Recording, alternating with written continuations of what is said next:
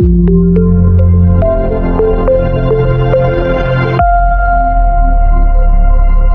Otradien Latvijā reģistrēti 120 inficēšanās ar covid-19 gadījumi, taču nav saņemti ziņojumi par nāvēm, liecina slimību profilakses un kontrolas centra apkopotie dati.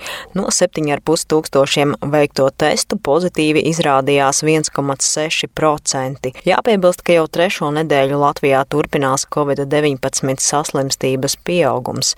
Delta jeb Indijas covid-19 paveids atklāts jau 90 5% testēto paraugu.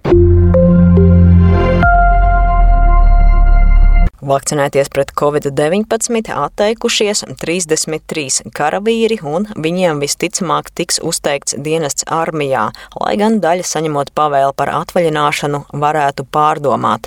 Aģentūrē Leta atzina Nacionālo bruņoto spēku, jeb NBS komandieris Leonīds Kalniņš. Viņš skaidroja, ka NBS diena aptuveni 7000 karavīru un vakcinācija pret covid-19 notikusi ļoti efektīvi.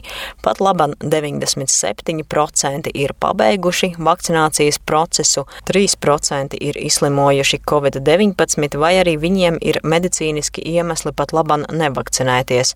Tāpat arī starp šiem 3% ir 33 karavīri, kuri atteikušies vakcinēties. Pat labam pret viņiem ierosināta disciplinārā procedūra un pieprasīti paskaidrojumi par pavēles nepildīšanu. Ja iemesls nebūs leģitīms, tad sekošot NBS komandiera pavēle par atvaļināšanu. Kalniņš skaidroja, citēju, daļa no šiem 33 karavīriem tāpat gatavojās atvaļināties. Disciplinārā procedūra ir sākusies, un es domāju, ka daļa noteikti pārdomās, kad redzēs pavēli par atvaļināšanu. To jau pierādīja iepriekšējās nedēļas, kad strauji pieauga karavīru skaits, kuri piekrita vakcinēties.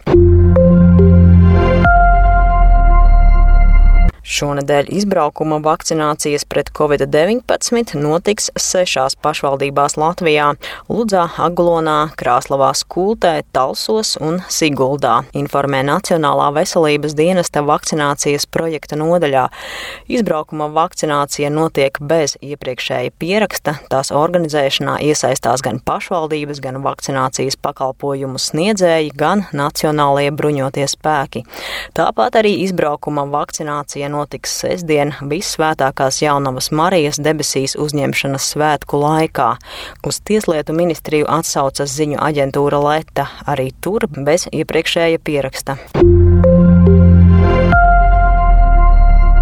Otradienas pievakarē Latvijas medijus pāršalca ziņas par protestiem Lietuvā, proti pie Sēma ēkas Viļņā pulcējās aptuveni 5000 cilvēku, lai protestētu pret valdības plāniem noteikt stingrus ierobežojumus tiem, kuri nav vakcinējušies pret covid-19 vai testējušies.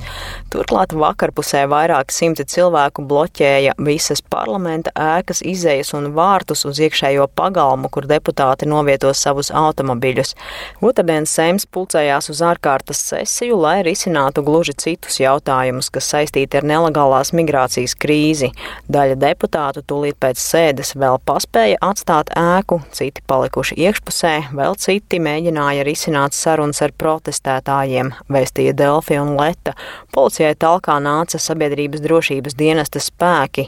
Policijas ģenerāla komisārs Renats Požēla žurnālistiem paziņoja, ka sākta pirmstiesas izmeklēšana par nemieru organizāciju organizēšanu.